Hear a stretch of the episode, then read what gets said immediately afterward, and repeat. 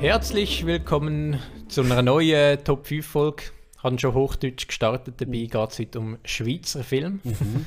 Und ähm, gerade mal zum Einstieg eine kleine Frage. Habt ihr schon viel Film geschaut, wo wir uns gegenseitig in diesen Top 5 Listen empfohlen haben? Nein. Nein, auch nicht. Ich habe ich ich hab letztens gerade einen geschaut, den du empfohlen hast, Jan. Sehr geil. Also ist nicht in deiner Top 5 gewesen, aber in der Special Mention zumindest. Und zwar der Junge im gestreiften Oh, Pyjama. der ist aber fantastisch. Der, da bleibt wirklich kein Auge trocken. Das Ja. ist wirklich ein genialer Film. Film. Richtig gut. Und wo auch kein Auge trocken bleibt, Randbemerkung, Afterlife Staffel 3 ist draussen seit gestern und ich bin der Einzige am Tisch, der sie schon gesehen hat, obwohl wir all die Serie immer in den Himmel gelobt haben. Und ich bin der, der am wenigsten Zeit hat. Eben genau, ich kann es gerade sagen, der, der am wenigsten Zeit hat, sagt, oh, ich bin der Einzige, der die Zeug gesehen hat. Vielleicht musst du mal Ja, hinterfragen, warum du nie Zeit hast. Vielleicht beim Pendeln. Man weiß es ja nicht. Ja, aber das wäre ja schäbig. Nein, gestern Abend. Gestern Abend habe ich das erste Mal seit langem wieder Zeit gehabt, aber das ist das Thema für ein anderes Mal, weil es geht heute um Schweizer Film. Genau. Wir sind ja alles grosse Fans von Schweizer Filmen. Du hast vorher gerade eine Frage gestellt, wir haben gar noch nicht richtig darauf angeguckt. Ihr habt ja gesagt, ihr habt keinen Film gesehen von Ah, ja, der doch. Ah, ja, doch, Daredevil habe ich angefangen, von, Aha. wo der Jan Ja, empfohlen hat. geil, ja. Bin noch nicht überzeugt, aber äh, ist ein guter Streifen. Den Also ist ja ein Film. schwierig zu überzeugen. Ja, das ist ja so. Also, gut, ja. Ich habe sexy fein angefangen. Nein, natürlich nicht. Nicht, ja. ja, es ist eine gute Serie, ich sag's nur, ich sag's gerne nochmal. Schaue ich gerne vielleicht auch mal rein. Nicht. Gerade nicht so Zeit im Moment. Ah, ja, das Beipochen und alles, gell? Genau. Wir, wir, fa wir fangen. Ähm, wir, wir fangen. Äh, jetzt habe ich den Witz gekonnt überhört. Aber ist nicht schlecht gewesen, muss ich sagen. Voll Ähm, wir fangen an mit unserer Special Mention. Da ja, jetzt ist erwähnen wieder wir- gegenseitig. Aha, ja genau, das können Ja, wir auch noch sagen. Weil ich bin fast überzeugt, dass beim Nick Platzspitzbaby irgendwo drin hockt. Platzspitzbaby. In, Okay. der, in der Top 5 Liste von der Schweizer Filme. Ähm, ich Aber da sage, gibt er jetzt keinen Kommentar ab dazu. ich sag, bei euch ist sicher mein Name ist Eugen in der Liste drin. Mhm, mhm, mhm. Ja, ich kann mir das jetzt gar nicht so genau Mein Top 1 Platz könntet ihr eigentlich wissen, wenn ihr irgendwie mal aufpasst habt, was ich jemals erzählt habe. Aber ja, das oh ja, selten. ja, Vitus ist bei dir drin. So heißt er, oder? hätte ich nicht dran gedacht. Ah, da, da hast du gar nicht dran gedacht. Ähm, und dann ist bei euch noch drin, äh, Kann ich noch ändern? beim Nick vielleicht noch Amateur-Teens könnte drin sein, bin ich nicht ganz sicher. Amateur-Teens. Ganz sicher nicht. Was ist das? Das ist Ein der Schweizer Film. Ah, wirklich? Mal, da sagt man etwas. Der wir du sogar im irgendwo Kino mal- geschaut. Wer, wer, was ist? Ah! Hä? Wieso soll der Ganz sicher nicht. Ja, den, den hast du mal gut gefunden, habe ich Ja, er ist okay, ja. Also, was man bei Er dem ist Film, nicht mal okay. was, was mir bei dem Film grauenhaft auf den Sack geht, ist, dass man einfach nie etwas erkennt. Also, ähm, ich, ich meine, ähm, der, der Film hat immer nur Nähen und all, der Hintergrund ist immer unscharf. Du weißt nie, wo, wo das man gerade ist und so. Und das, das geht mir so auf den Sack. Ist ein Stilmittel, klar, aber ähm, habe ich nicht so gerne. Was mich aufgeregt hat, ist, dass etwa 10 Geschichten gleichzeitig laufen und du kommst nicht raus. Was ist eigentlich der Sinn von dem Film? Statt da gute Schweizer Filme zu besprechen, tun wir jetzt abhaten. Also, ich finde ihn voll okay. Also, aber, aber ja, er ist, also ich finde von der Machart her ist er nicht so gut, aber geschichtlich ist er ganz okay. Ich finde ihn nicht nur von der Machart her nicht gut. Die Schauspieler sind gar nicht mal so gleich. Ja, Anyhow, äh, Genau. wir, wir starten direkt rein mit Filmen wo, äh, aus der Schweiz, die wir können empfehlen können, die es aber nicht in unsere Liste Mhm. geschafft haben. Ich will gerne schnell erwähnen, dass Platzspitzbaby bei mir nicht drinnen ist. Ich finde ihn nämlich nicht wirklich so einen guten Film, ehrlich gesagt. Ah, Gegenteil. dann habe ich das falsch im Kopf. Ich habe ihn recht langweilig gefunden. Ähm, für da, also ich, ich finde, man hätte aus dieser ganzen Geschichte so viel können erzählen Und irgendwie, klar, es geht um, ein- um, ein- so ein kleines Mädchen, wo ihr- ihre Mutter, wo, wo ein bisschen drogenabhängig ist, aber irgendwie, ja, ich weiß nicht, es hat mich zu wenig berührt. Mit, mitgenommen. ja, es ist Okay. ein bisschen Dann habe ich das äh, falsch im. Kopf gehabt. Tut mir natürlich leid. Ja, ist doch überhaupt kein, Jan, Auch kein, ich- gar ich kein mach- Problem. Ich ja. Ich ja Ich, ich fange so an mit den Filmen, die es bei mir knapp nicht in die Liste geschafft haben, Mhm. wo, wo ich kann empfehlen kann. Gern. Das ist nämlich die das Heidi. Heidi! Der, der alte Film aber, die neueste Version habe ich gar nie gesehen. Du hast sicher auch Papa Moll drin. Vielleicht. ich erwähne noch Flitzer. Ist jetzt kein überragender Film, aber ist ganz unterhaltsam. Ja, mich und ich haben dort mitgemacht. Genau. Und die Akte Grüniger habe ich noch drin. Ah ja. Ah, Ja. ja. In da Special. Mention. Super. Äh, bei mir drin sind äh, der große Kater mit dem Bruno Ganz, Mhm. der Verdingbub, Oh, den Oh ich ja, vergessen. stimmt, den Scheisse, vergessen. den vergessen. Anfänger, der Tellenbach Kari. Das geht um einen Fußballspieler, oder? Nein, das ist der Goalie, bin ich. Ah, stimmt. Nein, Dalalachar ist etwas ganz anderes. Äh, und Grounding, die letzten Tage der Swiss Air, ist Ah, bei mir ja, auch ja, in den ja. Special Mentions. Okay, Ja. okay. Ach, so schade, ich hätte äh, den Verdingbub, der wäre bei mir klar in der Top 5, aber den habe ich voll vergessen. Den finde ich Ja, einen bei mir, bei Film. mir ist er wirklich knapp nicht drin. Scheiße, hast du nicht wollen nehmen, da können wir gleich noch drüber reden. Nein, ähm, also gut. Bei mir, äh, die Schweizer Macher ist nicht drin. Mhm. Und dann der ihr, kennen ihr den? Ich muss ja sagen, die, ja. die Schweizer machen finde ich gar nicht einen guten Film. Nee, ich finde ihn Nein, okay im ich finde gar nicht gut. Aber der Ring-Thing ist so eine Parodie, oder? Von Herr der Parodie, Ringe, ja. genau, Herr der Ringe-Parodie. Und er ist so billig gemacht, aber ich finde es so lustig. Ja. Mit Ja, haben wir im Gimmick geschaut, ob man und dort. Äh, Moskau einfach ist ganz okay, kann man machen, muss man nicht. Er ist mit dem Mike Müller, ja. Ja, Ja, dann weiss ich wieder. nein, doch, Doch. mal. Ja, ähm, Liebling, lass uns scheiden, finde ich auch, ja, kann man machen, Ja, muss man finde nicht. finde ich jetzt nicht gut, aber ja. Und mein Name ist Eugen, drin, finde ich eigentlich auch noch cool. das ist bei dir nicht in der Top 5? Nein, äh, da habe ich bessere. Aber ich muss allgemein sagen, ich bin, ich bin nicht so überzeugt von Schweizer Filmen. Äh, ich ich finde, es gibt wirklich wenig gute Schweizer Filme. Ähm, und meine, also, ich finde, die, die Filme, die ich jetzt habe, finde ich gut, kann man machen, aber ich würde jetzt andere Filme denen vorziehen. Es ist jetzt nicht so, dass die auch zu meinen absoluten Lieblingsfilmen überhaupt gehören. Ja. Ja. Ich habe auch lange überlegen, was ich da für Filme wirklich gut finde aus der Schweiz. Und teilweise habe ich auch Filme in der Liste drin gehabt, wie zum Beispiel Till, wo ich gut in Erinnerung hatte. Und dann habe ich ihn letztens wieder mal geschaut und gesehen, das ist so ein grottiger Film. Schon. Also das ist ja wirklich null Hat er auch noch lustig. gut in Erinnerung gehabt. Was ich da dazu glaub, kann sagen, ich habe viele Filme, oder eigentlich fast alle Filme, die bei mir in der Top 5 Liste drin sind, lange nicht mehr gesehen. Ja, ich auch. Ja, bei mir Aber ich habe in. Erinnerung, dass ich es gut gefunden habe. Und äh, ja. Ja. Ich kann aber nicht 100% mit meinem aktuellen Wissen dahinter stehen. Wenn wir eigentlich mal vielleicht kurz aufschlüsseln, warum das so ist, warum das Schweizer Filme unserer Meinung nach nicht jetzt der Oberburner sind. Also was, was Schweizer Film ausmacht. So im Allgemeinen. Ja, also was ist sicher, es ist nicht halt äh, eine grosse Studie. Studie? Studios. Studios. Studie ist etwas anderes. An grosse Studios angeknüpft. Ist halt alles ein. Ja, und es ist halt ein bisschen, im Vergleich zu amerikanischen Filmen ist es halt ein bisschen low budget. Ich habe das Gefühl, es wird immer ein das gefördert, wo halt funktioniert. Und das sind entweder unlustige Komödien mit Mike Müller oder irgendwelche Dramas. Ja, das ist wirklich ein das Problem. Dass so, also das ist natürlich klar, wir haben nicht jetzt ein riesen Budget für Film zum Ausgeben. Und dann nimmt man natürlich einfach die paar wenigen Filme, wo man denkt, das funktioniert sowieso. Und dann werden die unterstützt. Aber ja, ich, ich habe auch ein das Gefühl, es ist auch alles immer so... Also Low Budget finde ich früher der Fall gewesen. Mittlerweile seit etwa 2016, 2015 würde ich sagen, ist das nicht mehr so der Fall. Jetzt gerade mit Joker, wo ja eigentlich recht gut gemacht ist von der Qualität her. Oder zum Beispiel Zwingli, wo auch sehr gut gemacht ist. Ich finde aber, du kannst auch nicht das immer nur vom Budget abhängig machen. Nein, es gibt auch nicht. sehr viele Low-Budget-Filme aus den USA zum Beispiel, die grossartig sind. Wie zum Beispiel Memento. Und da kannst du nicht sagen, nur weil wir in der Schweiz nicht so hohe Budgets haben. Nein, ich meine jetzt im Moment nur von der Machart her. Aber ja, klar, Geschichte ist nochmal etwas anderes. Aber Ja. Geschichte, ja, auch, ist natürlich auch so, dass es ein Zeug ist, wo halt einfach so ein bisschen 0815 mäßig ist, damit, weil das halt einfach funktioniert und wir in der Schweiz auch nicht wirklich, also das ist eigentlich das Problem, wir haben ja nicht wirklich ein grosses Pub- Publikum in der Schweiz. Nicht jeder Schweizer geht einen Schweizer Film schauen Ja. und, ähm, und dann musst du ja irgendwie gleich noch mit Leute ansprechen, Genau. irgendwo durch. Vielleicht kann man auch sagen, uns Schweizer geht es ein bisschen zu gut, um gute Filme zu machen. Weil man sagt ja, Kunst ist am besten, wenn es so einem Künstler ein bisschen dreckig geht. Und so in Ländern, wo, wo eher so ein bisschen, so ein bisschen äh, kaputt sind und so, entstehen dann auch die geilsten Filme und so. Ja. Ist dann die USA Mutige und Deutschland sind die kaputt?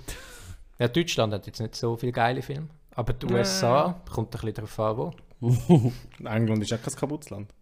Ja, es ist, ist noch schwierig zu sagen. Wa- Was denkst denn du, an was könnte es liegen? Also was jetzt genau? Das Das Dass die Schweizer Filme so- nicht so der Hit sind meistens. Ja, eben jetzt genau wegen dem, was ich gesagt habe. Lang haben sie nicht wirklich viel Qualität gehabt und sie sind einfach ein bisschen, ja, ich glaube, wir, wir Schweizer haben auch nichts zu erzählen, irgendwie. Und ich glaube, das ist das, was du vielleicht meinst. Weil uns so gut geht, haben wir einfach nichts zu erzählen. Es ist alles so ein bisschen, ja, außer eben, man, man tut irgendwie geschichtliches Zeug aufarbeiten oder so, dann funktioniert es ja besser. Aber zum Beispiel gerade auch so ein Gangsterfilm in der Schweiz, das kann ja keiner ernst nehmen, weil Ja. so die, die Kultur gibt es halt nicht. Und dann nachher, ja. Genau das ist es auch noch. Es muss ja irgendwie noch so ein bisschen zu der Kultur passen. Und dann haben wir auch noch unsere Dialekt, wo irgendwie mit Charakterzeug verbunden ist. Und wenn das dann irgendwie auch nicht stimmig ist und darum sind wir automatisch in so ein Schema reingepfercht, weil Weil halt irgendwie, ja, der Berner muss immer ein bisschen langsamer sein und der Zürcher ist also arrogant, blablabla, alles Zeug. Und wenn das nicht so richtig übereinstimmt, dann nimmt man es auch nicht so richtig ernst. Und ich glaube jetzt zum Beispiel, die Serie Zucker funktioniert ja vor allem auch, weil es Walliser sind, die dann halt ein bisschen Lölis sind, weil halt, die haben einen lustigen Dialekt und darum funktioniert es. Wären das jetzt alles Zürcher, müsste man es viel auf eine andere Art machen. Dann müssten es viel mehr so ein bisschen die Coolen sein, anstatt so ein bisschen die Lölis, damit es funktioniert. Aber wenn, wenn so coole Leute gespielt werden, die Schweizer Filme, dann kann ich es mega oft nicht ernst nehmen, weil du merkst, so die Drehbuchautoren, die äh, kennen sich überhaupt nicht aus, was Jugendliche zum Beispiel sagen und dann äh, Jo Mann, ey, dann reden mega viele Leute in Filmen so und du denkst, hä, so redet kein Mensch. Ja, genau, das ist auch etwas, Dialog, Schweizer Dialog, das ist meistens so grauenhaft Gut, aber es ist ja schwierig, Dialog auf Schweizerdeutsch zu schreiben, finde ich. Ja, aber äh, Sch- Schweizer Filme tun auch gerne alles ausformulieren. Jetzt tun wir sehr plakativ reden, aber gleich. Ähm, das ist auch so ist das Ding, man zeigt es nicht, sondern man sagt immer alles und dann auch noch so grauenhaft schlecht und eben so, eben wie du sagst, durch den Schweizer Dialekt wirkt es dann noch mal so ein bisschen weniger ernst. Das Ding ist halt, du kannst. Es ist eigentlich nicht allgemein schwierig, einen Schweizer Dialog zu schreiben, wenn du nachher selber spielst, wenn du für dich schreibst. Aber jeder redet ja auf eine gewisse Art anders. Es ist nicht irgendwie so, dass das Schweizerdeutsch allgemein für alle gleich ist in dem Sinn. Und darum hat vielleicht dann der eine Mühe mit der einen Art, wie es geschrieben ist. Und Gut, aber das kannst du ja dann immer noch anpassen. Ja, das müsstest du dann halt eben. Aber vielleicht machen das die Schweizer Filme ja nicht. Aber Emotionen kommen, glaube ich, schon weniger über, wenn halt irgendwie einer mit einem lustigen Dialekt irgendwie einen anderen zusammenschießt oder so und dann denkst du, ja komm jetzt. komm, mach. Aua. Die, Schweiz, die Schweiz traut sich ein bisschen zu wenig. Das- ja. das ist aber sie haben das Gefühl, sie trauen sich viel. Immer dann, wenn einer nackt durchs Bild durchläuft, und es läuft ja jedem Ja. Schweizer Film einer nackt durchs Bild, dann denken sie so, und wir in der aufgeschlossenen Gesellschaft, äh, Ja. Oder das wenn, macht sonst keinen Film auf der ganzen Welt nicht. Ja, wieso echt wenn, nicht? der, wenn der Hauptdarsteller noch kifft, dann ist es ein ganz äh, taffer ja, voll. genau, es muss einer nackt sein und jemand muss noch kiffen und dann ka- lehnen sich die Leute zurück und sagen, so, und jetzt haben wir einen guten Schweizer Film gemacht. So, genau. so, viel äh, zum Thema Schweizer Film. Jetzt nennen wir aber Top Schweizer Film, wo man wirklich kann sagen Ja. die könnt ihr schauen, da machen ihr nichts falsch. und unterstützen da sogar noch unser schönes Land dabei. Soll ich anfangen? Ja, unbedingt. In meiner Nummer 5. Und der Film kennt ihr, das ist «Mein Name ist Eugen». Ah, da haben wir ihn ja. Ah, schau jetzt. Genau. Äh, die Story, die äh, kennt glaube fast jeder. Da geht es darum, dass es so Losebengel gibt, die gerne ein bisschen Streich spielen gegenseitig und, und so den Eltern und so. Die machen äh, ganz viel Quatsch und dann übertreiben sie es bei einem Quatsch so dermaßen, dass der eine dann ins Internat sollte abgeschoben werden. Ah, ja, ja. Gleichzeitig findet es aber auch noch eine Schatzkarte vom äh, Lausbubenkönig, Fritzli Bühler heißt er, gespielt von Beat Schlatter. Und dann wollen sie den, glaube einfach besuchen, oder? Go finden, ja. Also sie wollen ihn finden, warum auch immer. Und Ja, der Hilfe fragen irgendwie.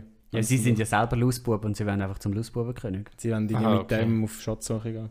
Ja. ja, auf jeden Fall, der wohnt in Zürich und sie reisen dann nach Zürich und erleben dort Abenteuer. Und das ist noch cool, man sieht so zwei Stunden Zugfahrt und dann sind sie dann dort. Genau, So, so Bern, Zürich halt. Fahren von Bern nach Zürich, genau. Im Zug, im Zug machen sie aber ganz viel Quatsch. Zum Beispiel äh, drücken sie mal die Notbremse. nein, nein. Ähm, genau, das ist dann so die, äh, die Heldenreise von diesen Lausbuben. Ja, genau. Sie gehen ja mit dem. Zug, sie gehen ja mit Alle Velos und zu Fuß und so Mit dem weiter. Zug fahren sie auch mal. Ja, und sie Genau. werden verfolgt von ihren Eltern, die sie suchen. Ja, Und der und Polizei. vermissen. Genau. Ja, Das ist ist ein sehr lustiger Film. Ja. Das ist meine Nummer 5. Mhm. Schön. Finde ich, finde ich gut. Hätte nicht gedacht, dass der bei dir, bei dir drin ist. Auch das ist doch so etwas, wie, wie wir es bei den deutschen Filmen äh, haben. Also halt so eine, so eine Jugendbande, die irgendwie noch, noch gut funktioniert miteinander. Also die, die, die haben halt sich so ja nicht ein- wahnsinnig gerne eigentlich so. Ja, es ist ein Familienfilm halt, der Ja. irgendwie noch gut Mhm. funktioniert. Das ist halt schon cool. Wenn man so, eine Jugendbande ist doch der Traum. Obwohl, wenn es am besten Gruppe- Tarantula. Herrlich. Gut, Janu. Bei mir auf Platz 5 ist Nebelgrind. Weiss nicht, ob ihr den, Film nicht? Noch nie gehört. gehört. Ähm, es geht um, ähm, um, einen, um einen Bauer, um den Jürg. Ähm, der muss, ähm, seine Frau hat irgendwie genug vom Haushalt daheim und sie geht zwei Wochen in die Ferien. Ja, als Frau. Ja, keine Ahnung. Margaret. Und äh, der, der Jürg, der muss dann die zwei Wochen halt äh, den Haushalt schmeißen. Und was halt ist, der Vater wird, ist halt, wohnt auch daheim und der ist halt alt und wird langsam vergesslich. Und der Jürg, der, der, der, der Bauer Jürg, der schiebt das halt einfach aufs Alter ab, dabei ist es Alzheimer. Mm. Und mit der Zeit kann er, siehst du so ein bisschen, wie er, wie er immer weniger kann. Er kann sich dann zum Beispiel äh, mit der Zeit nicht mehr selber anlegen und so.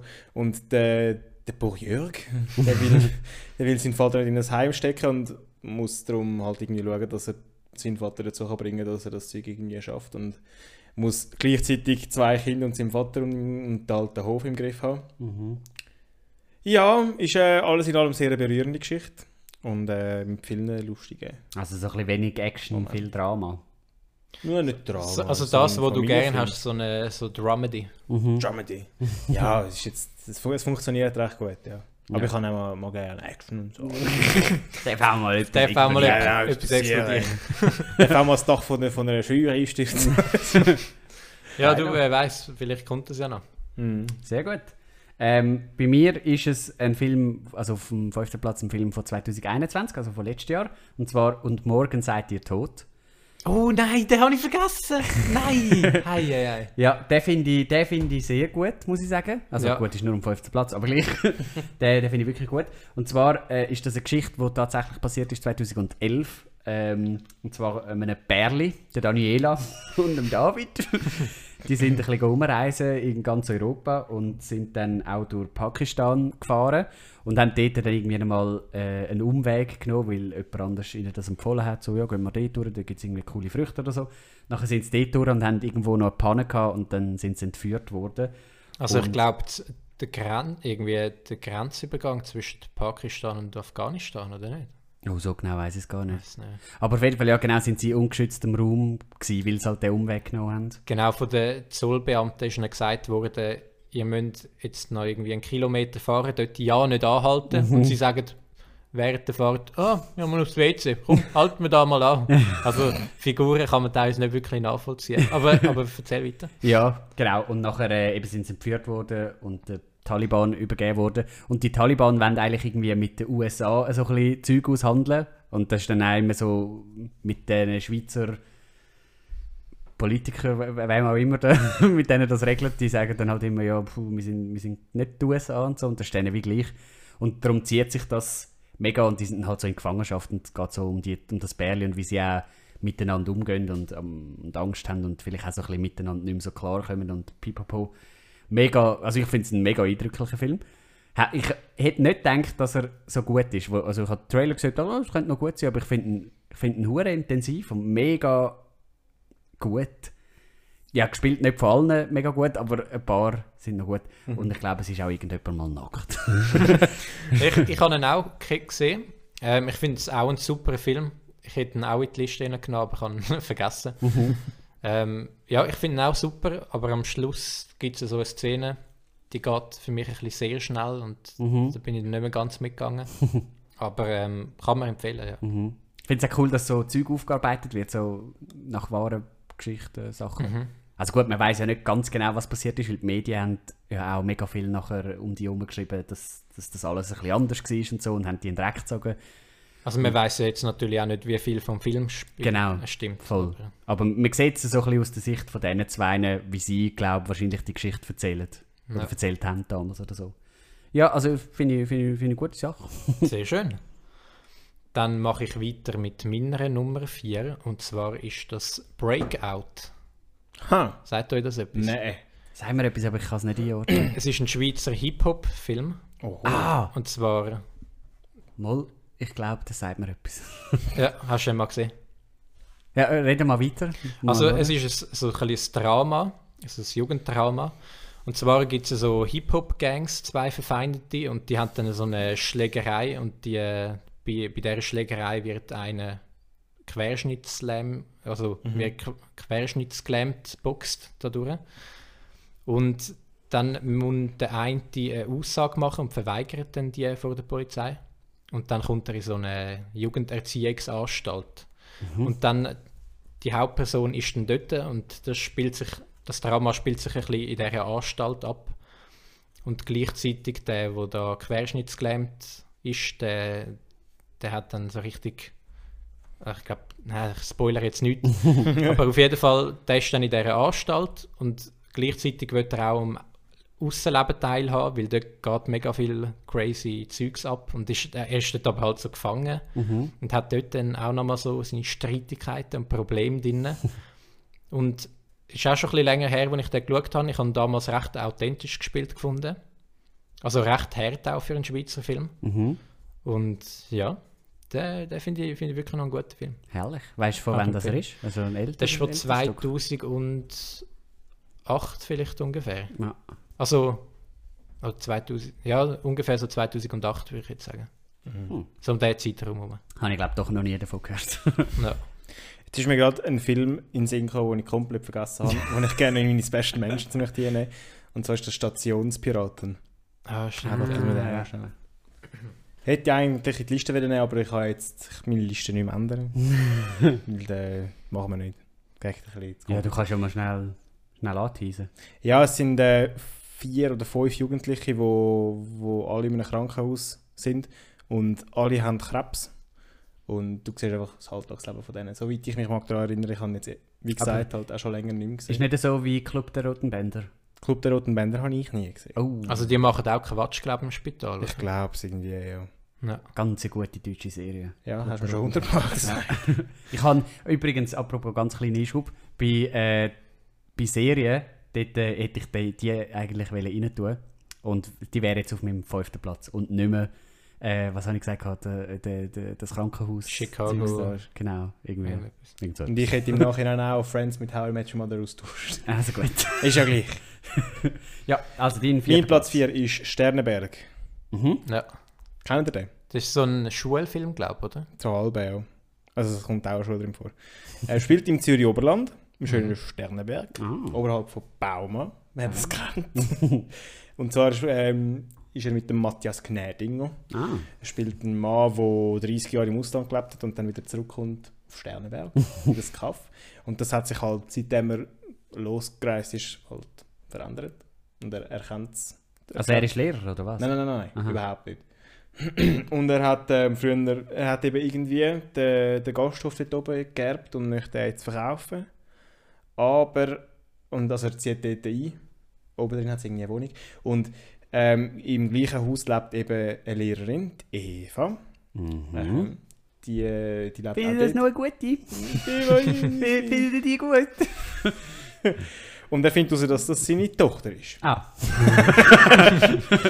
Ähm, und sie, weil sie so wenig Kinder haben, oder wegen Schülermangel in dem Kaff, ist halt die Gefahr, dass die Schule jetzt dann zugeht. Und weil Dann, er... dann, dann, dann findet er ihren Freund, damit sie noch ein paar kann rauslassen Nein, er lässt sich dann einschulen mit 69, damit die Schule nicht zugeht. Mhm. Ähm, und da kommt dann halt der Schulinspektor. Findet das gar nicht so lässig, dass der sich jetzt einfach einschulen lassen hat, weil er will einfach die Schule gerne so machen, dass er Geld kann sparen kann. Aber wegen Der. Schulinspektor, äh, gespielt von Daniel Rohr, ganz ein guter Schweizer Schauspieler. Mhm. Mhm. Ich weiss nicht. Und äh, es ist so, so, so, meine Vorstellung von Schweizer Filmen ist so ein bisschen ländlich, es ist so ein Kaffee im Nichts draussen, es ist so ein bisschen lustig und so ein bisschen herzig so ein und bisschen, so so ein ein bisschen bisschen viel charmant. Ja, viel gut, ja voll, das ist Mhm. ein gutes Wort. Und es sind alles so ein bisschen, so ein bisschen, so ein bisschen Bünzlis und so, ein bisschen und durch das, dass er halt nicht wirklich so, keine Ahnung, so, wie, wie sagt man dem, dass er nicht so spektakulär ist vom, vom Bild her und von, Mhm. dass nicht so viel passiert mit Kamerabewegungen und Action, simpel gehalten. Also er ist weiss, er auch weiss- glaubwürdiger, er ja, ist glaubwürdig und authentisch, ja. er weiß, was er kann und Genau. versucht nicht etwas anderes zu cool sein. Genau, Ja. so Herrlich. voll normal. Ja, Sehr spannend. Mhm. Ganz lustiger. Ist halt 90er Jahre, glaubst du? Ja, Nick, hast denn du auch etwas auf dem Platz 4? Nein. Sollen wir mal auf die Liste schauen? ah, schau jetzt. Ah ja, gar nicht gewusst. Ein Film aus dem Jahre 2013. Äh, was könnte echt das sein? Das, das Schweizer Missenmassaker. das ist ein riesen Schrottfilm übrigens. Mit dem Mike Müller, oder? Ja. Mhm. Der größte Spruch. Nein, es ist Achtung fertig WK. Tatsächlich. Okay, ja. Ja, ähm, ich finde ja Achtung fertig WK besser als Achtung fertig Charlie. Ich, auch. nicht. Ich auch. Und ähm, wer es nicht weiß, Achtung fertig Charlie, also das war ein Film, ich glaube irgendwie zehn Jahre vorher oder so. Und dann ist das jetzt ein Remake. Es ist eine Art die gleiche Geschichte, aber andere Schauspieler, außer der Marco Rima. Das Der, ist gar nicht die gleiche Geschichte. sicher schon. Überhaupt nicht. Ja, sicher schon. Also man kann sagen, es geht ums Militär, hast du es schon gesagt. ja, nein, aber das sagt ja der Titel schon. Und ähm, Achtung, fertig, Charlie ist ein bisschen authentischer, sagen wir, also sage ich mal. Also es ist ein bisschen realer, es bildet ein realeres, also es gibt einem ein realeres Bild vom Militär. Und Achtung, fertig, WK ist dann halt mehr so ein bisschen kinomäßig. Ja, voll. Ich finde aber Achtung, fertig, WK auch viel besser. Das ist halt unterhaltsamer irgendwie. Ja. Genau, äh, es geht um den Alex Stüssi. und der ähm, ist in der Yoga-Lehrerausbildung und so ein bisschen ja, der hat nicht so Lust aufs Militär und Das ist so ein Hippie. ein bisschen hippie, genau. Und äh, der weigert sich dann ins Militär zu gehen und darum bei der Aushebung äh, gibt er irgendwie an, dass er schwul ist und, und sich darauf freut, auf all die Männer dort und so. Und darum wird er dann auch nicht genommen. Ähm, und dann hat er halt so seine Freundin, Anna, und die bekommen dann fünf Jahre später ein Kind und können sich aber kein Haus leisten. Und der Anna, ihr Vater, das ist eben der Militärkommandant, äh, Der Marco Rima. Genau, der Reiko heißt er im Film. Und der Reiko, der sagt, äh, ja, ich könnte schon meine Hütte haben. Er hat irgendwie so eine zweite Hütte, aber dafür muss halt äh, der Alex noch in den WK gehen. Und dann geht halt der Alex in den WK und erlebt dort allerlei Sachen. Ja, ich glaube, das ist es. Und ich finde find noch lustig, es ist so ein bisschen ein überdrehter Film, irgendwie noch witzig, so ein bisschen das Militär auf, aufs Korn genommen und ich selber bin ja nie gewesen. Und stelle es mir aber genau so vor. und äh, finde das irgendwie noch witzig, ja. Der Typ, der, die Einstiegsuntersuchung macht, das ist auch der Daniel Rohr. Ah, schau jetzt. Ja, Herrlich. Der, Das der ist ähm, als Gemeich anlangt. ja genau. Der ist so ein guter Schauspieler. Micha war ja auch der Aushebung, oder? Mich hast Ja, du ich bin, Militär. ich bin auch im. Militär. Gewesen. Also Ja. Militär in Anführungs- Ja, und im Büro ist gesessen. Büro ist Äh, genau. Hat Netflix geschaut. Es war gsi- es ist gsi wie äh, im Achtung Wertung WK. Ist genau alles so gewesen. Eins zu eins. Aushebung. genau. Gut, äh, Jan auch nicht, oder? Ja, die Aushebung habe ich gemacht. Die Aushebung hast du sogar gemacht? Mhm. Aber ich habe mich gerade am Abend nach der Aushebung wieder Zivildienst gemacht. Ja, aber man kann sagen, die, die ganzen militären Kaderleute, die haben da schon ein bisschen etwas von den, äh, von Marco Rima. Also, die sind, sind schon so, ja, ich gehe ins Militär und das ist gut so. Also so ein bisschen, schon viele so drauf. Also Sie nicht haben- alle natürlich. Sie haben an der Aushebung, äh, wo alle sind Schuhe anprobieren, bin ich zu einem gegangen, der da so ein bisschen aussieht, als würde er rauskommen. Und haben gesagt, sie, sie, ich meine, wenn ich heute Abend gehe für den Zivildienst, dann kann ich gehen. Nein, sie müssen bis zum Abtreten da bleiben. Abtreten, ich habe mich gar nicht angemeldet. okay, bleibe ich halt da. Ja, gut. Ja, Ja, aber äh, schön. nach Schön. dem Film habe ich schon auch ein bisschen Lust bekommen Militär. ich gerade angefangen, Liegestütze zu machen Genau. und am 4 Uhr aufstehen. ja. wir, wir hatten mal äh, wir hatten einen in der SEC, der ist so Militärfan gewesen und hat sich mega darauf gefreut, wenn er endlich ins Militär kann. Und der ist immer am 4 Uhr am Morgen aufgestanden. Ui. und dann sind wir im Klassenlager gewesen, und dann hat er seinen Scheißwecker auf die 4 Uhr gestellt und hat dann angefangen, Liegestütze zu machen. Was? Und das hat ist mir richtig auf den Sack gegangen. Nachher ist so, so eine Lehrerin hässlich reingekommen und hat gesagt, «Äh, sag mal, geht's noch? Habt ihr da irgendwie das Handy drin und so? Die hat ihn richtig zur Sau gemacht. Und nachher hat er müssen schlafen. Und ich bin happy gewesen. Und dann ist er Panzergröni geworden. Ja, der ist dann auch ins Büro gekommen. und- Ah, geil. ist witzig. Bei mir auf dem Platz 3, wir kommen schon in die Top 3, Mhm, geht schnell. ist, wie der Nix schon genannt hat, Papa Moll. Mhm. ist eine Realverfilmung von Papa Moll. Das ist auch ein recht neuer Film, ist 2017 rausgekommen. Und ähm, also das heißt Papa Moll ähm, und die Entführung des fliegenden Hundes. ich muss sagen, der Film hat einen richtig geilen Look. Also richtig gutes Color Grading. Das kennt man gar nicht von Schweizer Filmen. Also wenn du den Film schaust, dann denkst du wirklich Moll. Moll. Ist jetzt nicht unbedingt ein Schweizer Film, könnte man meinen. Das ist jetzt eben gut. Genau, der, der Film nimmt sich selber nicht so ernst. Es ist halt der Papa Moll. Ich finde, die Figur ist super gespielt. Und ähm, da, da geht es um den Papa Moll. Der muss das Wochenende halt auf Kinder aufpassen. Und dann auch noch gerade auf, auf äh, andere Kinder. Vom, und die, die anderen Kinder, die er auch noch hüten, das sind so ein bisschen die Erzfeinde von Papa Moll seinen Kindern. Die haben ein bisschen Streit untereinander. Und der Papa Moll macht es nicht so gut. Der Papa Moll passt nicht so gut auf die Kinder auf, weil äh, er muss eben gleichzeitig auch Überstunden schieben am Wochenende im Schoki, äh, im Schoki, Im Schoki- in der Schoki, in der Schokifabrik. Und auch die hat er nicht so im Griff. Das Und ist so ein richtiger Papa-Moll-Job in der Schokofabrik. Genau, und dann äh, gibt es auch noch so einen Zirkus, der gerade aufgetan hat. Und dort gibt es eben als Attraktion so einen Hund, der, glaube ich, in eine Kanone reingeladen wird und dann einmal umgeschossen wird. Irgendwie so. Und die Kinder, die sind dann auf dem Zirkus und machen Blödsinn. Und dann, Also ist es dann so überzeichnet unlogisch alles, oder? es ist schon alles überzeichnet. Ich weiß gar nicht, ob er wahnsinnig unlogisch ist. Er ist schon ein bisschen überspitzt. Ja. Also, also der Film nimmt sich selber nicht so ernst.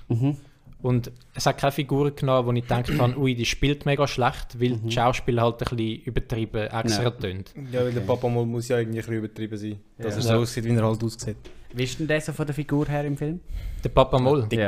der ist ja so wie, Ja. wie das nehme ich aber...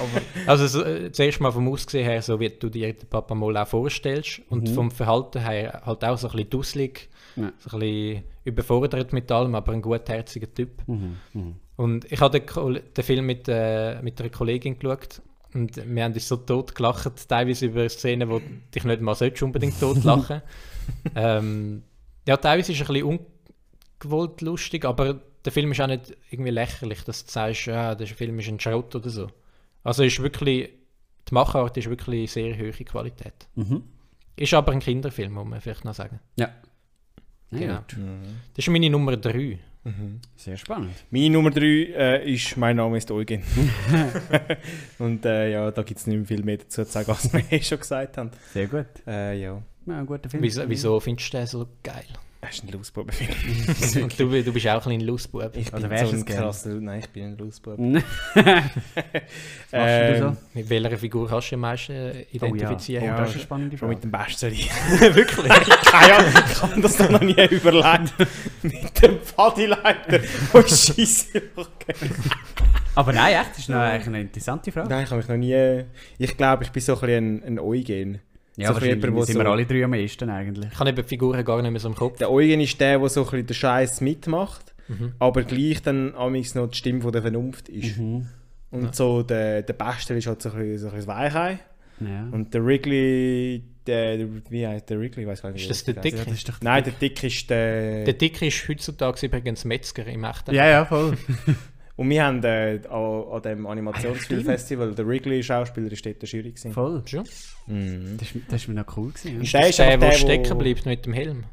Ja. Ja, Okay. Der, der eigentlich so ein bisschen alles initiiert immer. Ja, der, der, der ins Internat sollte der, der am Ja. Schluss den Frosch küsst. Ja, ja, gut. In dem Fall, äh, cooler Film, ja. Das ist ja so. Der Eduard. Ah, der Ah, Edward, stimmt. genau, ja, ja, ja. ja. Genau. Im, in Narnia gibt es doch auch einen Edward, Mhm. der gerne türkische Schokolade isst. Der bei, äh, Nein, türkischer Honig heisst es. ja. Ja. Mein Name ist. Eugen, dort hat er gerne Landjäger. Baklava. Was hat er gern? Landjäger. Landjäger. Ja. Der Beste bekommt auch ein bisschen, aber die anderen zwei nicht. Die haben einfach im Zug haben sie einfach einen Krug voll Sirup Und nachher hängen sie die auf. Und wenn der Zug so um Kurve fährt, ist so der, der Pfadileiter, wie heisst der? Hat so einen dummen Namen. Ich muss den Film auch wieder mal schauen. Ah, ich habe den, immer- ich habe den, glaub, das ist der von meinen Filmen, den ich glaub, am meisten gesehen habe.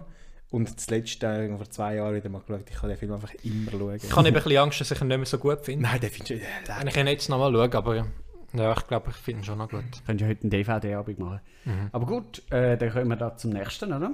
Meine Nummer 3 ist Die göttliche Ordnung von 2017. Den habe ich gemeint. Scheiße. Ja. Als ich Platzspitz-Baby gesagt habe, habe ich den gemeint. Aha, ja, der ist ja gut. voll den Knopf im Kopf. Ähm, ist auch nach einer wahren Geschichte. Äh, also nach der wahren Schweizer Geschichte halt. So ein bisschen, wir sind ja, sagen wir mal, ein bisschen langsam gewesen, was so Frauenbewegung Frauenstimmrecht. und Frauenstimmrecht und so weiter, genau. Ähm, und die Hauptperson ist Nora. Und der Film spielt so um die äh, 1971 rum, im Appenzellerland. Äh, ja, und es gibt eigentlich gar nicht so viel, also es ist halt einfach die Emanzipationsgeschichte irgendwie so ein bisschen mm, erzählt und aus ihrer Sicht und wie sie am Anfang, äh, sie, sie würde eben gerne arbeiten und äh, die Männer lassen sie aber nicht, weil sie, äh, ah, Frauen, arbeiten! ah." und ähm, Ihren Mann unterstützt sie am Anfang auch nicht so wirklich und dann fängt sie aber so ein bisschen an, sich zu emanzipieren, leitet irgendwie so Jeans an und so, was für damalige Zeit unüblich war. Trinkt Cola aus der Büchse. genau. Spuckt am Boden, oder? äh, und irgendwann fängt, Geht allein aus dem Haus. und irgendwann fängt dann ihr Mann aber auch an, sie zu unterstützen und nachher sind halt alle so ein bisschen, was soll jetzt das?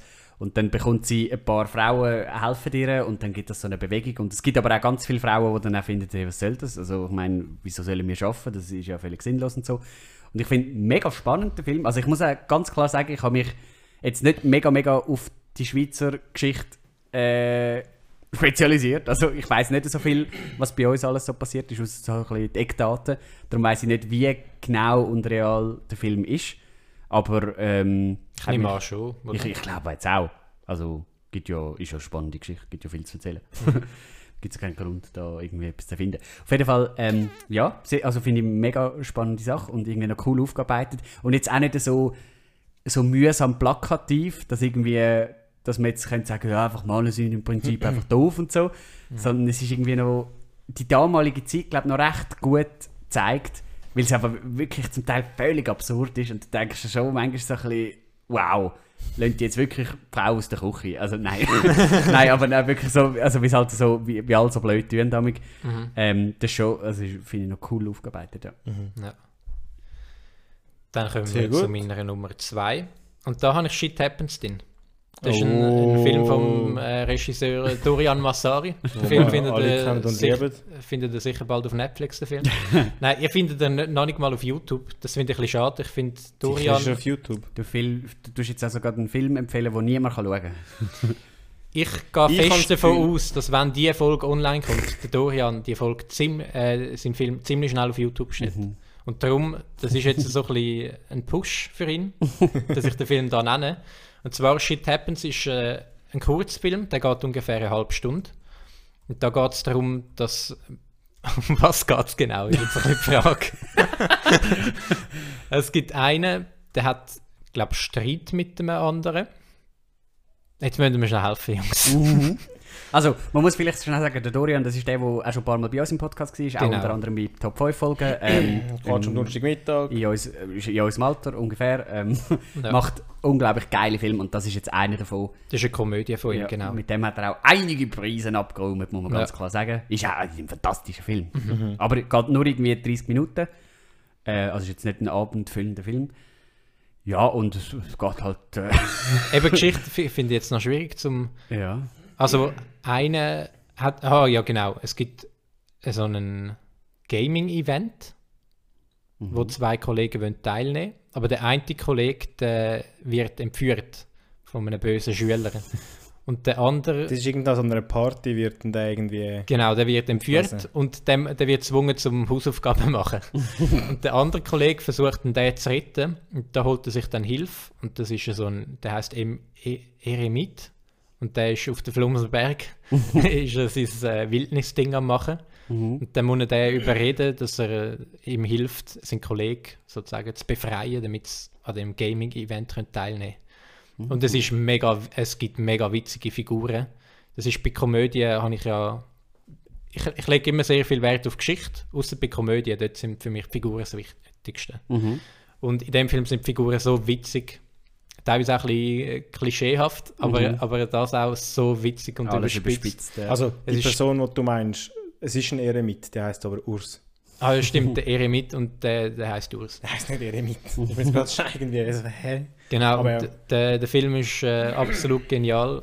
Und Dorian, Super. falls du das jetzt hörst, laden auf YouTube. ja, Und schnitt deine Vollversion Dann- endlich, auch wenn du sagst, du schnittst sie sicher nicht mehr. Dann tun wir nämlich den Link von dem Film da unten in die Show Notes Genau. von dieser Folge und dann könnt ihr den sogar noch schauen. Ja. Herrlich, Richtig. super. Da haben wir Das mein- Bildungsauftrag gerade. Genau, das ist meine Nummer Und, zwei. äh, gewesen. und ähm, lokale Künstler unterstützt haben wir auch gerade. Dann, äh, bei mir auf dem Platz 2 ist nur ein halber Schweizer Film, Eieieiei. weil es ist eine schweizerisch-deutsche Co-Produktion. Gilt aber für mich trotzdem als Schweizer Film. auch wenn ihr sagt, «Nein, der Jan beschisst die ganze Zeit. Ja, komm, mach. Ähm, und zwar ist es die Schwarzen Brüder. Aha. Ah. Ich habe gerade gemeint James Bond, wo er, wo er bei Goldeneye die Schweizer Staumauer abkommt. Star Ähm, Wars übrigens spielt zum Teil auch in der Schweiz. Sherlock Holmes ja auch. Also spielt nicht in der Schweiz, nein, Meinst aber spielt in der Galaxis? ist in der Schweiz gefilmt. Ja. Ja. So. ja. Auf jeden Fall Ja. geht es um einen, äh, um einen Tessiner Bub, einen Bub, der im Tessin wohnt. Ähm, es spielt nicht in der jetzigen Zeit, sondern so früher halt. Muss ich mal sagen. Und ähm, er und seine zwei Eltern, die leben äh, in einem Bergdorf im Tessin. Und wo sich die Mutter verletzt, kann sich der Vater nicht leisten, sie zu einem Arzt zu schicken. Und verkauft darum seinen Sohn an einen, der die Kinder in, in Mailand weiterverkauft, äh, wo die Kinder als Schornstein, als Schorn, als, als Chemiefäger arbeiten. Mhm. Und der, der, der Giorgio, wo der halt das Kind, äh, ist dann halt dort in Mailand und, und freundet sich dort mit anderen Kindern an, die wo das gleiche Schicksal erlitten haben, die auch Chemiefäger sind. Und äh, der böse Kinderhändler halt. der, der wird von Moritz Bleibtreu gespielt übrigens. Moritz Bleibtreu, ganz ein, ganz ein geiler Schauspieler. Also ist der Film auf Hochdeutsch? Ich glaube ja Ja. aber es sind Schweizer Schauspieler und ein Schweizer Regisseur. Und ihnen wird das Leben von dem, von dem Kinderhändler, von dem, ich weiß nicht, wie er heißt, vom, vom Moritz Bleibtreu, ein bisschen schwer gemacht, weil der, der plagt die halt. Und dann gibt es noch so, so Banden in den Straßen von Mailand, wo, wo sie halt auch ein bisschen plagen. Und mit äh, die, die Gruppe, sie nennen sich die Schwarzen Brüder und sie planen dann eben ihre Flucht zurück ins Tessin und äh, sich so ein bisschen an dem, an dem Typ zu rächen. Und es ist auch so ein, so ein Jugendbandenfilm und es ist so mega cool gemacht. Und was halt ist, ähm, es ist eine Buchverfilmung und anscheinend ist der Film nicht annähernd so gut wie das Buch, was ich aber nicht kann beurteilen weil ich das Buch nicht gelesen habe. Und ich habe durch diesen Film eigentlich den Moritz Bleibtreu überhaupt kennengelernt und anfangen, und anfangen lieben. Ich finde, es ist so, er ist so ein guter Schauspieler, der so gut böse Charakter kann spielen kann. Ja. Ich weiß nicht, ob er, ob er ihn überhaupt vor, vor dem Kopf, vor dem Ja, Auge ja. hat, wer das ist. Ich finde, der ist als Bösewicht mega gut und er spielt auch wirklich gut. Und ja, es ist ein unterhaltender Abenteuerfilm. Ich habe eigentlich hast du gesagt, nach, nach wahren Begeben, Ge- Begebenheiten? Ja, das hat die Kinder sind früher verkauft. Also ja, das weiß ich schon, Ja. aber die Ab- Geschichte so ist schon frei das ist eine erfunden. Buchverfilmung, ja. Ja. Das ist aber nicht so Zeiten von Verdingbub, weil dort sind ja die Kinder auch einfach ein bisschen umgereicht worden. Ich weiß nicht, zu welcher Zeit das es spielt. Ja. Aber es wird wahrscheinlich auch Anfangs 1900, Ende 1800 etwa gewesen sein. Mhm. Aber ich bin mir nicht sicher. Ich habe den Film mit etwa 13, 14 gesehen und ich habe ihn dort geil gefunden. Ich weiß nicht, ob ich ihn heute immer noch geil fände, aber so als Jugendlicher habe ich den Film absolut geliebt. Ja. Ich habe ihn wirklich geil gefunden. Herrlich. Danke, danke für das. Bitte geil geschehen. Dann äh, wäre ich auch fertig. Ähm, ja, ich habe Ghetto gemacht bei meiner Liste, sehe ich eben gerade. Ich habe, ich habe vergessen, ich habe noch vier Filme. Ah, du hast Nummer 4. Ja, ich habe eben noch, ich habe noch zwei Filme habe ich noch aufgeschrieben, äh, aber nicht weiter äh, so ein Notizen gemacht und so. Und der eine nehme ich jetzt aber in äh, äh, Hor- Honorable Mentions und das ist Ja. noch Finsteres Glück vom äh, Stefan Haupt. Das ist auch ein sauguter Film, ist, äh, der könnte dem Jan mega gut gefallen. Das? Drama. Irgend so ein Kind, wo, wo psychische Probleme hat. und irgendwie nicht so richtig redet, außer mit seiner Psychologin. Und die haben dann eine mega gute Beziehung. Und das ist dann so ein bisschen so wie Okay. äh, Kind-Mutter-Beziehung. Mhm. Äh, ein bisschen, was sich das entwickelt. Und dann muss eben so die Psychologin auch ein bisschen schauen, was sie da macht und so. Genau, Okay. äh, mega guter Film. Dann kannst du Ähm, einfach gerade mit deinem Platz 1 weitermachen, oder? Ja, und Zwingli wäre auch noch. Zwingli ist auch Aha. noch Honorable Mentions. Ja. Ähm, Finde ich auch ein mega geiler Film. Das heisst, Ähm, du hast gar keinen Platz 2. Ich habe jetzt in Ort gar keinen Platz Also, zwei. du hast einfach vorher schon gesagt. Die Ja, rutscht einfach alles auf. Ich habe mit Platz 4 angefangen sozusagen. Scheiße. Mühsam. Dann äh, Nummer 1 jetzt. Mühsam. Nummer 1 bei mir, Der Sandmann aus 2011. Ah, ja, ja. Und ich, ich liebe den Echt? Film. Ich finde den super. Ich, den schaue ich auch immer wieder. Also, man muss sagen, er ist jetzt nicht, eben auch nicht mega hochstehend produziert. Eben 2011, das war sowieso noch eine andere Zeit. Gewesen. ähm, Es geht um den Benno. Der Benno. Ich habe immer, ich hab immer die Namen parat. Ja, der Benno, das ist ein gescheiterter Dirigent. und ähm, der ist so ein bisschen, ja, der ist so ein bisschen, äh, immer ein bisschen hässig und es schießt ihn alles an und alle Leute schießen ihn an und er hat so eine Nachbarin, ähm, die heißt Sandra. und die ist, äh, das ist das Fräulein da Capo, vielleicht kennen ihr die von Ja. äh, Jacopo Müller. Und die, Die spielt Musik. auch eigentlich, also dort ist sie auch so eine Ein- Ein-Frau-Band oder so. Und das ist sie in dem Film auch. Und er, also der Benno, der hasst sie und, und tut sie auch immer zusammenschießen und beleidigen und alles. Und eines schönen Tages Oh. das ist voll verraten. Das müssen wir rauslöschen. Ähm, und eines schönen... Ist das ein Spoiler, oder? Ja. Aha. Und das erfährst du eben erst gegen Ende vom Film. Und eines schönen Tages ähm, verliert er Sand, eine Art aus seinem Körper raus. Äh, also so, im Bett, wenn er aufwacht, dann liegt Sand umeinander. Ähm, und Ja, auch sonst, wieso wenn dann? er im Alltag gewisse Sachen macht, verliert er Sand. Und je mehr Sand das er verliert, desto magerer wird er auch. Und irgendwann hat er zum Beispiel keinen Arm mehr. Also der eine Arm fehlt ihm dann einfach Das wächst mir auch nicht mehr nach. machst du ihm nicht mehr an. Genau. Und dann muss er ein bisschen herausfinden, warum das er Sand verliert. Also das eine ist, dass er halt mega intensiv träumt und je intensiver dass er träumt, desto mehr Sand hat er verloren in der Nacht. Und der Tag durch auch, je nachdem wie er sich verhaltet, ähm, verliert er auch Sand. Und genau. Und äh, ich, ich, also, es es klingt eigentlich mega banal. Aber ich finde es ein mega geiler Film. Irgendwie, ich weiß auch nicht. Den haben wir... Äh, im Film Wir haben wir haben, den mal geschaut. wir haben damals zusammen geschaut. gehabt. Ich muss sagen, mir ist jetzt nicht so im Gedächtnis geblieben. Ich finde ihn nicht so gut. Aber den Soundtrack habe ich mega cool gefunden. Mhm. Da haben wir ja immer so noch gesungen. Richtig. Das ist ja... Dun, dun, dun, Heute dun. ist Tango. Genau. Im Schwanen. Also, dass wir das jetzt noch könnten, den Soundtrack, Ja. nach 10 Jahren, das ist ja Wirklich schon krass. schon krass. Ja. Bei Papa Moll habe ich den Soundtrack, ich habe zwar den Film nicht gesehen, aber ich finde das eine Lied von, von Tabu Fantastic. Ja, Sagt mir jetzt ja. nichts mehr. Mhm. Also Ja, irgendwie, sagt mir ganz Wir gehen los, los, los, los. irgendwie so, Ahnung. Das ist ein geiles Lied. Ja gut, Micha, dein Platz Nummer 1. Meine Nummer 1, wir haben sie vorhin auch angesprochen, gehabt, und ich finde es anscheinend nicht so gut, das wundert mich jetzt. Das ist Platzspitz-Baby. Ah, echt? Habe ich letztens geschaut. Was? Ich finde das ein genialer Film. Also, Ha. vielleicht mal schnell zu der Geschichte. Der Platzspitz, den kennen wir ja alle. Der ist in Zürich, das ist so eine offene Drogenszene, gewesen, die dort war. Ähm, ich habe den Film geschaut mit der Erwartung, dass es um den Platzspitz selber geht, dass dort irgendeine Geschichte spielt. Ähm, und dann habe ich den Film angefangen und es geht aber nicht um den Platzspitz selber, sondern mehr so ein bisschen um die Nachwirkungen, was passiert mit den Menschen, die dort dann halt vertrieben worden sind. Also der, der hat ja geschlossen, der Park. Wann ist das gewesen? Ja, eben gar noch nicht so lange her, etwa 20 Mhm. Jahre. Ich glaube, Ich weiß es. ich glaube 19 40. 19 1999 oder so hat er glaube ich geschlossen. Raus. Genau, und das, die Geschichte ist dann, also die Hauptperson ist ein kleines Mädchen, das ist die Tochter von einer, die heroinabhängig ist, die damals auf dem Platzspitz umgehängt ist. Ähm, und die Mutter, die, also der Staat versucht, die wieder ein bisschen so ins normale Alltagsleben einzugliedern. Und die ist aber immer, sücht, immer, also immer noch süchtig halt und verfällt immer wieder am Heroin. Und die Hauptperson ist aber das kleine Mädchen, die Tochter von der äh, Mutter. Äh, und die spielt grandios. Also das finde ich krass, dass man in dem Alter so gut kann spielen kann. Ähm, eben, das ist ja so ein bisschen das Ding, dass, man, dass ich mega oft bei Figuren aus der Schweiz nicht ganz mit kann gehen, weil teilweise bringen mich so gewisse Sätze wieder raus, die nicht authentisch sind und so. Das hat sie in dem Film teilweise auch so dezent. Ähm, also bei, bei gewissen Sätzen denke ich mir auch so, ja, würde die Person das wirklich so sagen?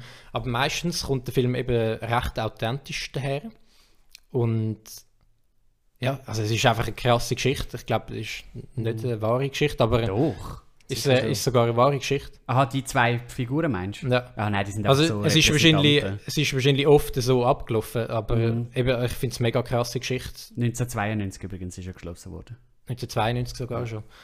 Und äh, genau, ich finde das mega spannend, um das mal so aus der Sicht, aus der Tochter von, der, von dieser Mutter zu sehen. Und ich finde es ich find's super gespielt, geiles Drehbuch. Ah, Äh, ein, ein Schnuff zu lang, Mhm. aber ich finde es auch sehr, sehr emotionales Drama. Hm. Äh, muss ich den gleich auch mal noch schauen. ich finde es krass, dass du den nicht gut findest. Ja, ich weiß nicht, er hat mich irgendwie nicht so. Ich habe langweilig gefunden irgendwie. Mich hat der richtig gepackt. Spannend. Bei mir ist es immer so ein Zeichen, wenn ich schaue, wie lange ein Film noch geht. Wenn ich so zwischendrin mal schaue und dann sehe ich, ja, der Film geht noch eine Stunde oder eine halbe Stunde, dann ist es meistens ein schlechtes Zeichen. Das habe ich bei dem Film aber nie gemacht. Du stehst ja mit im Kino umdrehen und rufst so, du, wie lange geht's noch? Nein, wenn, wenn, ich, wenn ich einen Film streame halt. Ja, ja, ja. Bei mir ist es immer, wenn ich, wenn ich bei einem Film nicht unterbricht, um aufs WC zu gehen.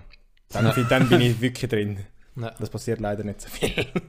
Oder Das eben, halt wenn ich, wenn ich nicht darauf achte, oh, das ist eine gute Kamerafahrt und so, dann bin ich richtig in der Geschichte Mhm, drin. Und bei dem Film bin ich richtig drin. Gewesen. Ich finde es super, Spannend. super gespielt und äh, ja, äh, finde ich wirklich Mhm. Respekt. Super. In dem Fall schaue ich den auch mal noch. Da Ja, sind die Geschmäcker verschieden. Und dann äh, Ja. tun wir noch mal weiterreden.